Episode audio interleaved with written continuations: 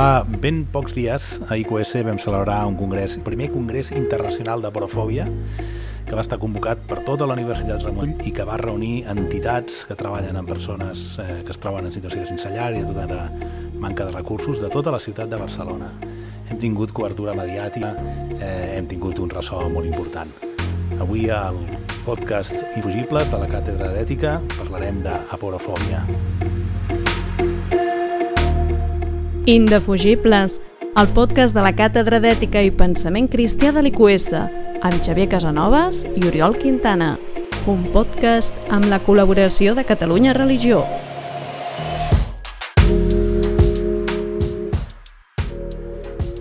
I per fer-ho tenim amb nosaltres el doctor Juan Albacete, que és doctor en Ciències de l'Educació per la Universitat de Granada i que es troba ja des de fa un temps aquí a UES fent una recerca postdoctoral. Buenos días, Juan. Buenos días, Oriol. Eh, Juan, tu has estat un dels organitzadors, eh, juntament amb el degà de l'Altat, eh, Flavio Comim, de- d'aquest congrés. Eh, anem a parlar de porofòbia. Explica'ns què és aquest concepte.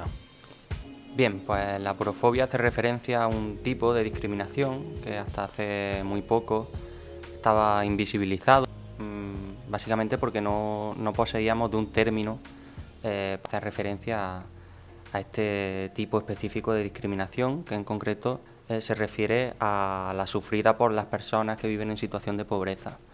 Entonces la porofobia básicamente hace referencia al rechazo al pobre que de hecho es el título que, del libro de Adela Cortina, la creadora de este término, en la que explica este concepto y esta problemàtica. di- di- estava invisible, per què? Perquè com que es confon amb altres situacions que ara ens són aporofòbia. Pots explicar una mica? Sí, exactamente. Eh, la palabra de aporofo- la, la palabra aporofobia viene pues, de una reflexión sobre otro tipo de discriminación, que es el de la xenofobia, y la propia Adela ¿no? explica que, que, Que bueno, la Cortina, que és la- l'autora de la teoria. Adela. Cortina, exacto, una filósofa anciana. Y, mm, ella misma explica que, que su preocupación por, por crear este nuevo término viene de, de reflexionar si la xenofobia realmente eh, se sufría por parte de todos los extranjeros, ¿no? la xenofobia hace referencia al odio al extranjero, o, o si especialmente eh, existía un rechazo hacia los extranjeros pobres. Això em recorda, hi ha una cançó dels Pets, Pets és un grup de rock català que segurament, Juan, no el coneixeràs, però eh, es, la, la cançó va d'un tio que està, al, està pel tren i passa pel costat del mar i es, eh, fa, ell mateix fa la distinció entre els turistes i els immigrants, no? I aleshores és aquesta situació, perquè clar, tant els turistes com els immigrants són, en, bueno, en el cas que siguin estrangers, són estrangers, Uh, però uns no ens donen més. Bueno, ara mateix ja estem en una situació Sí. que estamos odiando ya a los turistas también, però... Sí. No, no, però no, no parlem d'això, no? Però vaja, la diferència és que uns tenen diners a gastar Exacto. i els altres que, que no. Sí, la clave un poco de la diferenciación es la idea de reciprocidad. Eh, si nosotros consideramos que un extranjero va a venir a nuestro país y no vamos a obtener nada a cambio de él, como puede ser el caso un poco, aunque es un- una falsedad, ¿no? pero puede ser la creencia que hay respecto a los extranjeros pobres, eh, entonces se- seguramente se produzca ese rechazo, esa porofobia. Si por el contrario el extranjero que viene pues es un turista adinerado, que sabemos que tiene un poder adquisitivo que va a repercutir eh, positivamente en nuestra economía, eh, pues entonces ese rechazo seguramente no, no se produzca. Bueno, aleshores, eh, la xenofòbia mm, queda clar que és una mica diferent, no? Perquè mm, bueno, la porofòbia és específicament cap a les persones pobres. Quines altres manifestacions hi ha de, de porofòbia eh, que es trobin generalment? Perquè no té per què ser eh, l'hostilitat cap als pobres no té que ser només per, cap als pobres que venen de fora, no? També hi ha hostilitat cap a la gent d'aquí que és pobra.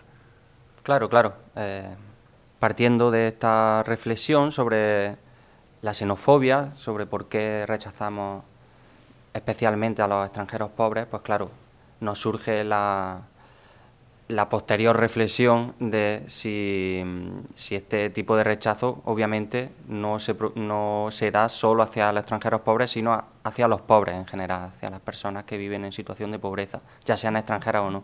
Y evidentemente existe una porofobia hacia, hacia este colectivo. Jo m'he fixat que en el cartell eh, heu posat un banc, no? En el cartell de, de, de la imatge del Congrés, no? Sí. La pancarta i en els cartells que s'han enviat electrònicament. Què li passa al banc aquest, que té de particular? Per què l'hem posat? Bueno, pues una de las discusiones que ha habido en esta conferencia es sobre las diferentes dimensiones de, de la porofobia y, bueno, entendiendo dimensiones como esos niveles en los que se puede observar aporofobia en nivel mm, micro, a, un nivel individual, pero también se puede dar a un nivel meso, macro y dentro de ese nivel meso podríamos situar la aporofobia institucional. Y mm, dentro de esta aporofobia institucional existe una aporofobia, digamos, urbanística en el diseño de, urbanístico de nuestras ciudades, eh, que sí, que puede ciertas, ciertas decisiones pueden ir en contra de- del colectivo de personas pobres y, y pueden suponer un rechazo también, ¿por qué no? Entonces, sí, eh, existe esa aporofobia institucional, esa aporofobia urbanística, que un ejemplo pues, puede ser estos bancos con, con, una, con los brazos eh, en medio para evitar que personas sin hogar puedan dormir y demás. Sí, sería una... Jo recordo també una altra de les ponències del Congrés eh, es va explicar que no diré quina ciutat espanyola, però de fet podria ser qualsevol. Eh, bueno, de fet està prohibit la mendicitat, aleshores eh, si una persona També. es troba en situació de Sí. sense llar se, se la pot a més doncs, eh, multar o castigar pel fet de, de demanar pels carrers, no?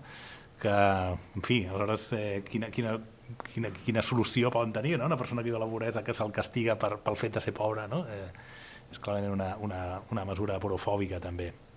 Eh, però, Juan, eh, tu has dit una cosa interessant, has dit que sentim rebuig cap a les persones, com per, en el cas dels immigrants, que venen als nostres països i no tenen cap mena de recurs i llavors ja sabem des del començament que su- suposaran una càrrega per nosaltres. Uh -huh.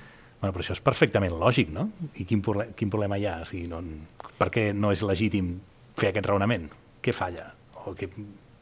Bueno, eh, obviamente eh, yo creo en la libertad de, las personas en elegir quién entra en tu vida y quién no, ¿no? Pero el problema es cuando esa elección se hace únicamente por la condición de- de- del sujeto, ¿no? Eh, obviamente yo puedo decidir que una persona no entre en mi vida por si, si considero que me ha hecho algún tipo de traición, de mm, no lo considero una persona leal, en fin, ese tipo de rechazo, digamos, entre comillas, siempre desde la base del respeto y demás, eh, justificado, digamos, por las acciones de la persona a la que quiero que no entre en mi vida, es perfectamente entendible, como dices, porque no me, no me va a repercutir nada positivo, ¿no? A cambio.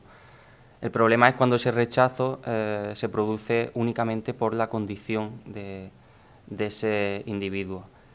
El problema, eh, valga la redundancia, es lo que Adela nos mencionaba en su charla inaugural, de que existen raíces biológicas eh, en nuestro cerebro que nos, que nos llevan a, comportarnos de una manera aporófoba. Em, ¿Por qué? Bueno, somos, somos descendientes ¿no? de aquellos que sobrevivieron por ser más aporófobos y más xenófobos. Eh, cuando vivíamos en nuestros orígenes, ¿no? En, África, eh, los grupos que, más posibilidades de sobrevivir tenían eran aquellos que más hostiles eran hacia el diferente, hacia el que consideraban que, que no le iba a dar nada a cambio. Entonces sí, sí que existe esa raíz eh, biológica, sí que tenemos ese cerebro aporófobo, como dice Adela, pero por supuesto eh, esto no justifica nada, porque obviamente luego tenemos nuestro, nuestro mm, aspecto pues eso, ético, moral, que, que debe controlar este tipo de instintos y de, de luchar contra este tipo de, de discriminaciones. Home, claro. O sigui, eh, sí, és veritat. És a dir, eh, obvi, o sigui, la nostra moral consisteix bàsicament en lluitar contra els nostres instints Exacte. la major part del temps, eh, i això va des de bueno, la- la- l'agressivitat en tots els terrenys i això, bueno, hi ha una persona que, que està necessitada, diguéssim que ja tenim una norma bàsica essencial que és ajudar a qui ho necessita, clar. Sí. Jo me'n recordo, als meus alumnes els hi poso el dilema de, de discutir si els d'Open Arms fan el correcte quan rescaten gent quan rescaten gent a la Mediterrània, no? Ujú. i ho hem de discutir, eh, bueno, la raó que defensa, bueno, per defensar aquesta gent és que, de fet, si no els rescaten, els moriran. O sigui, Ujú. hi ha una obligació d'ajudar, no? I llavors es tracta de, de seguir un dels instints que també tenim, no? També tenim l'instint d'ajudar els altres i, o bé pues, eh, deixar-se seguir per, per l'altre i, no, i no ajudar. M'introdueixo a la conversa, Juan, perquè jo també vaig estar present en el, en el Congrés Um, I una de les qüestions que va sortir amb força tenia a veure amb això últim que estàvem dient. És a dir, els nostres estats del benestar poden arribar a garantir o a demanar que els drets de les persones no, estiguin coberts. I per tant, si una persona és pobra i per tant no té llar o no pot menjar, això són drets bàsics que d'alguna manera hem de poder garantir com a societat. No? Però el que no sabem com garantir és que la persona sigui rebutjada. És a dir, el rebuig no? No, no ser rebutjat no és, no és un dret. Llavors, jo crec que una de les virtuts del terme porofòbia té a veure amb que està posant sobre la taula algo que va una mica més enllà, diguéssim, del simple dret bàsic a poder tenir alimentació, a poder tenir sostre, que és algo que no està garantit a la nostra societat ja, per començar, diguéssim, no? O sigui, un lloc on encara eh, queda molt camí per córrer. Però, a més a més, la porofòbia hi està afegint el fet de que eh, volem eliminar el rebuig al pobre. No? Podríem fins i tot garantir tots els drets a la persona pobra eh, i encara sentiríem rebuig cap a aquell que no ha sigut capaç, com qui diu, de triomfar a la nostra societat no? o de tenir una posició eh, que no estigui no? a, la base, a la base de la piràmide. No? Com ataquem aquests elements que són tan, tan, bueno, no sé, no? que direm que no podem garantir, no podem garantir que tu no, que tu no acabis rebutjant no? el, el pobre. Sí, bueno, um, bueno, es complejo, ¿no? Garantizar ese tipo, ese derecho al que hace referencia, ¿no? Que obviamente tendría que estar garantizado el derecho a no ser discriminado por la condición económica, ¿no? Eh, pero es difícil, es difícil ese primer derecho, ¿no? De... Home, que és tan difícil com eliminar el mal, o sigui, a unes coses... No, o no, no, no podrem eliminar el mal del nostre món, eh, Sí. Aquesta mena d'instints són molt difícils de contrarrestar. Només, però només entenent l'existència de la paraula porofòbia, que ja és, ja és fonamental, és a dir, sabent que jo tinc una, una tendència a tractar malament a les persones pobres i a sobre sentir-me justificat per fer-ho, ja és moltíssim, perquè, bueno, aleshores puc exercir certa vigilància sobre mi mateix. Eh, el problema és el prejudici. Quan, quan jo, jo recordo haver sentit no, en aquesta congrés, però en altres vegades, no? haver sentit de persones que han viscut a la indigència i diuen, quan tu entres a un caixer, quan estàs integrat a la societat ets una persona normal, entres a un caixer i veus una persona dormint allà, pots sentir et sents com certa amenaça de dir, a veure què em farà aquest tio, no? Però l'indigent, quan veu entrar una persona normal, eh, té por, tem directament per la seva vida. És a dir, nosaltres ten tenim la tendència a creure que la persona que viu en la pobresa és com molt perillosa, però de fet és ell el que està en una situació d'inferioritat i el que se sent molt més amenaçada per nosaltres. No? Vull dir que és una qüestió de prejudici. Eh, qualsevol persona et pot fer mal, però tu tendeixes a, a, a associar el perill i l'haver de fugir de les persones pobres. Això és completament injust, perquè la majoria de les vegades són els que tenen menys recursos per fer, per fer res contra tu. Llavors, en aquest congrés que, que hi ha hagut, Juan, eh, quines són les mesures per lluitar contra la porofòbia uh -huh. que, que s'han posat sobre la taula, que s'han estudiat, potser les que són més innovadores, o quins nous estudis s'han presentat al respecte que podries compartir-nos? Sí.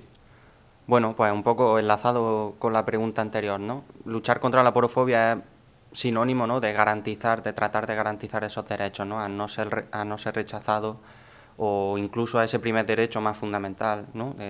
pues tener derecho a, tener un alimento y unas necesidades básicas cubiertas, ¿no?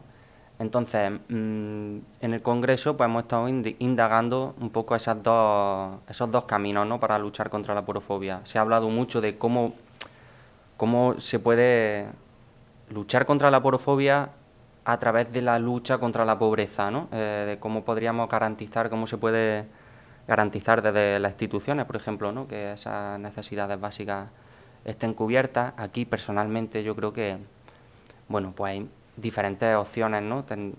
se tendría que dar cabida a, diferentes ideas de cómo, cómo poder reducir, contra, reducir la pobreza, ¿no?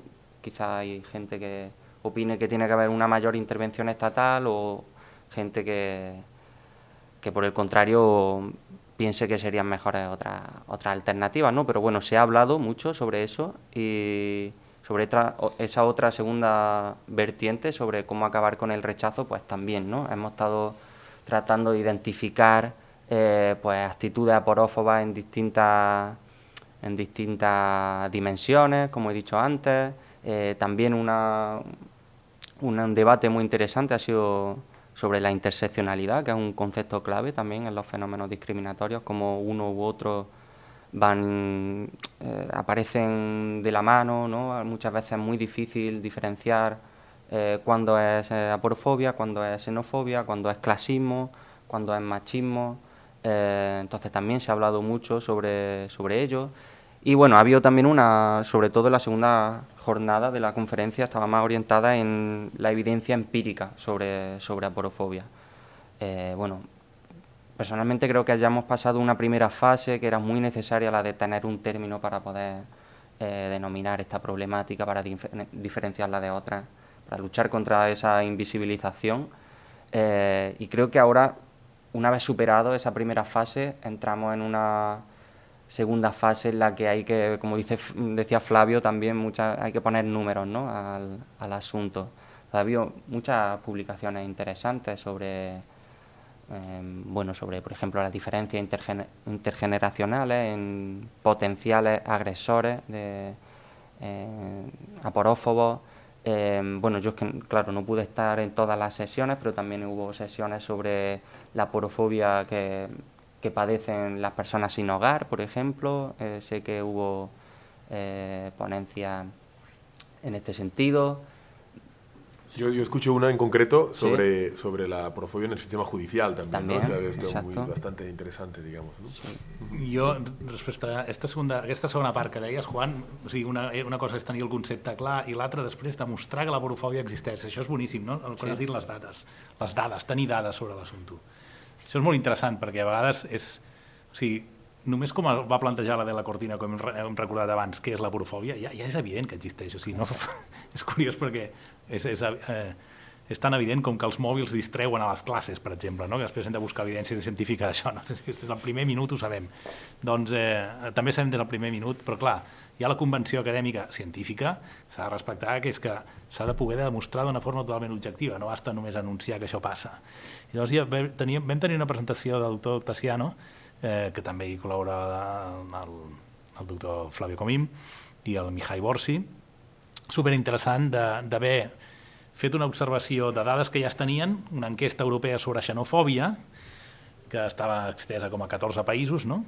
I aleshores el que han fet aquests científics socials de casa nostra ha estat mm, comparar aquesta, el, els nivells de, de xenofòbia que s'expressaven en, aquesta, en aquesta enquesta, eh, amb fer, comparar aquestes dades en, en aquelles regions en el que el número d'immigrants que han arribat, eh, els immigrants que han arribat han sigut persones que tenien un nivell d'estudi superior o que eren professionals qualificats. I llavors han observat, efectivament, que en aquelles regions on hi ha aquesta mena d'immigració hi ha menys xenofòbia. I això s'ha pogut demostrar doncs, eh, amb les dades, eh, empíricament. Amb una recerca que, a més, no és anem a buscar la, la borofòbia, sinó amb les dades que ja tenim descobrim això, que en aquelles zones on els immigrants que arriben són gent amb estudis universitaris o bé amb, amb qualificació professional alta, doncs la gent ja no el rebutja tant. No? Eh, això és molt important, perquè és que si, si no pots tenir aquest, un altre, un altre problema que tenim amb la porofòbia és que tu no li pots preguntar a una persona tu eres aporòfoba? Perquè et dirà que no, perquè Clar. ningú vol admetre que és racista o ningú vol admetre que té prejudicis contra qui sigui. No? Exacto. I llavors és, la qüestió de les dades és superimportant perquè et facin, cas, et facin cas al món acadèmic i en general i des d'aquí a la resta de la societat no? I, i també té el problema aquest que no es pot uh, determinar directament. Sembla, doncs, que, que tot el que s'ha compartit en aquest congrés realment era, era d'interès. No? Ara la pregunta és, crec que ha sigut el primer congrés internacional sobre el tema, amb, amb científics de tots els àmbits, diguéssim, hi havia economistes, hi havia filòsofs, eh, hi havia gent del món del treball social. Eh, bueno, doncs quins són els propers passos ara, Juan? O sigui, això cap on creus que camina, cap on, cap on anirà? Sí, bueno, nosotros consideramos que, que la conferencia pues, ha sido exitosa, eh, principalmente por el número de gente que, que ha venido, ha venido eh, muchas personas de muchas disciplinas, como dices, también de muchos centros universitarios de aquí de Barcelona. Eh, a nivel interno de la Universidad Ramón Llull también ha supuesto un éxito porque han colaborado todos los centros que la, que la conforman. Entonces estamos muy contentos con, tanto con la cantidad como con la calidad de, las ponencias que hemos, que hemos tenido y, y, bueno, nuestra idea es que esta conferencia se, se asiente y se, se celebre anualmente Eh, y obviamente, pues durante este año intentar generar esa evidencia que, echamos en falta, ¿no? que, que, tanta falta hace, em, teórica, empírica, filosófica. Y bueno, eh, nuestra intención es, tenemos varias ideas a nivel de, del IQS, de nuestro grupo de investigación, varios proyectos. Em, sí, seguir generando evidencia porque es muy importante, ¿no? Eh, ante una problemática, iba a decir nueva, no tan no nueva, obviamente, la problemática lleva con nosotros desde siempre, pero que ha sido visibilizada eh, tan recientemente, pues se necesita mucha evidencia para comprenderla mejor y por tanto para poder enfrentarnos más eh, eficazmente a ella. Bueno, pues moltes gràcies, Juan, eh, moltes gràcies, doctor Casanovas, eh, Xavi, i ens acomiadarem fins a la propera edició d'Indefugibles.